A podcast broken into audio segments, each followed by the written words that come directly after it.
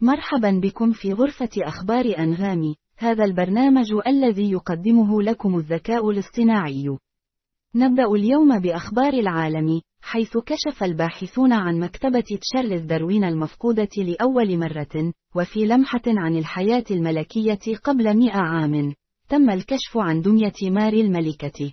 ننتقل الآن إلى الشرق الأوسط، حيث الأخبار الأخيرة حول الحرب بين إسرائيل وحماس، ونتساءل لماذا يتم توصيل القليل فقط من المساعدات إلى غزة. في الإمارات، تم إنقاذ ثمانية بحارة في دبي بعد تصادمهم بسفينة شحن. وفي عالم الأعمال، وقعت الكويت والإمارات اتفاقية لتجنب الضرائب المزدوجة بين البلدين. وفي قطاع التكنولوجيا، بدأت الأسبوع بانخفاض أسعار النفط بعد أن أعلنت إسرائيل أنها أنهت الضربات في غزة. وفي الرياضة، ماذا يجب أن تعرف عن مباراة سوبر بول بين الشيفز والفورتي ناينرز؟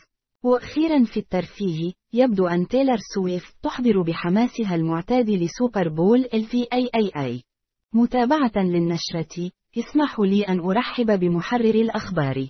هناك قصة متداولة في الأخبار حول بيدن، إسرائيل لا ينبغي أن تتقدم في رفح بدون خطة لحماية المدنيين، وكالة الصحافة المرتبطة.